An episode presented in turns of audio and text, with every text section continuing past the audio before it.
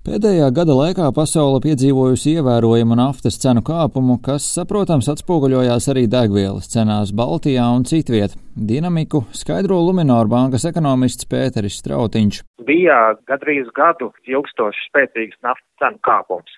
Pagājušā gada oktobrī, novembra sākumā nafta vēl bija tā pie 20 dolāriem par barelu, manuprāt.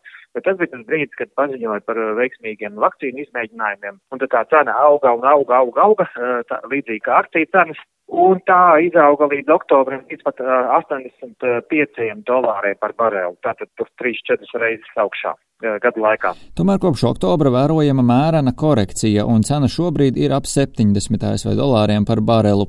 Un, kā skaidro strautiņš, tad iemesli ir divi. Pirmais no tiem ir piesardzīgāks skatījums uz pasaules ekonomiku.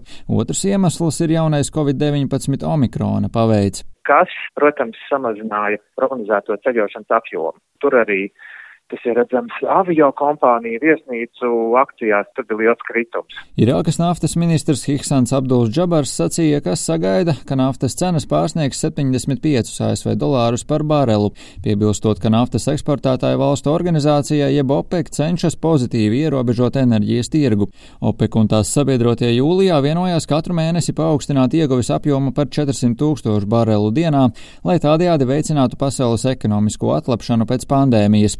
Vienlaikus pasaules lielākās naftas ražotāju valstis atturējušās naftas ieguves apjomu palielināt straujākā tempā, neskatoties uz naftas cenu strauju kāpumu, kas pēc analītiķu domām var negatīvi ietekmēt globālās ekonomikas atlapšanu.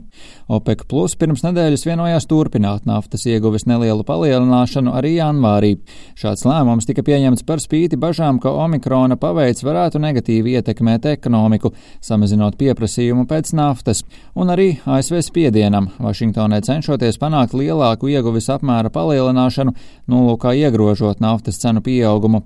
Pirms divām nedēļām Startautiskās enerģētikas aģentūras vadītājs Fatihs Birols aicināja OPEC un tās sabiedrotās valstis īstenot pasākumus, lai palīdzētu samazināt naftas cenas līdz saprātīgam līmenim.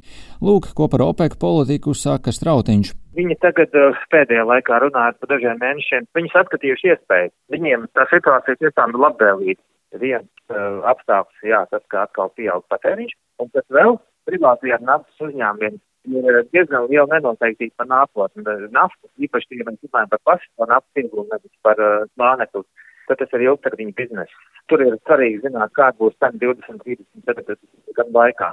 Un tagad uh, redzam, ka uh, autoražotāji, nu, viņi ļoti strauji palielina elektrisko mašīnu ražošanas apjomus un, un nosprauž ambiciozus plānus par to, kā viņi pāries uz elektrisko piedziņu un valsts izdod arvien jauns likums, pat kad varbūt vispār uh, klasiskās mašīnas vairs nevarēs pārdot. Tas apvienojumā vēl ar finanšu uh, regulātoru un finanšu tirgus spiedienu arī drīzāk investēt atjaunojumos resursos.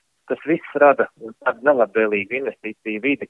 Naftas ieguve tas spīd diezgan augstām cenām. Sadarbībā ar citām valstīm cenšoties ierobežot kraso degvielas cenu kāpumu, ASV prezidents Joe Bidenis pirms divām nedēļām nolēma no valsts strateģiskajām rezervēm tirgu izlaist ieviest 50 miljonus barelu naftas. Ekonomists gan atzīst, ka šāds Baidena solis bijis vairāk iekšpolitisks, lai parādītu amerikāņiem, ka kaut kas tiek darīts, lai samazinātu degvielas cenas.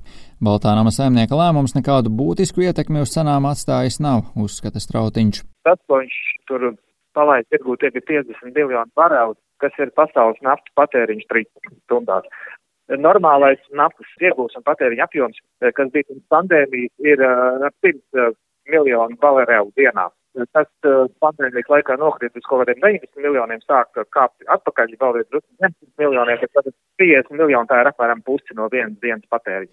Taujāts, kā ģeopolitiskā situācija saistībā ar notiekošo pie Ukrainas robežām ietekmē vai varētu ietekmēt naftas cenas, ekonomists atzīst, ka pagaidām nav redzams, ka satraukums par Ukrainu un tas, ka tur varētu būt karš, būtu atstājis lielu ietekmi uz naftas vai akciju tirgiem.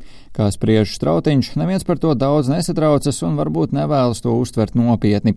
Kā skaidro ekonomists, šobrīd vēl ir nenoteiktība un arī ceļošanas ierobežojumi, un tas ir būtisks iemesls tam, kādēļ arī naftas cenas ir kritušās. Tomēr viņš atzīst, ka naftas kompānijām tuvākajā nākotnē ir gaidāmi labi laiki, un naftas cenu līmenis varētu būt diezgan augsts, jo vēlme ieguldīt naftas ieguvē un pārstrādē nebūs ļoti liela. Rihards Plūme, Latvijas radio.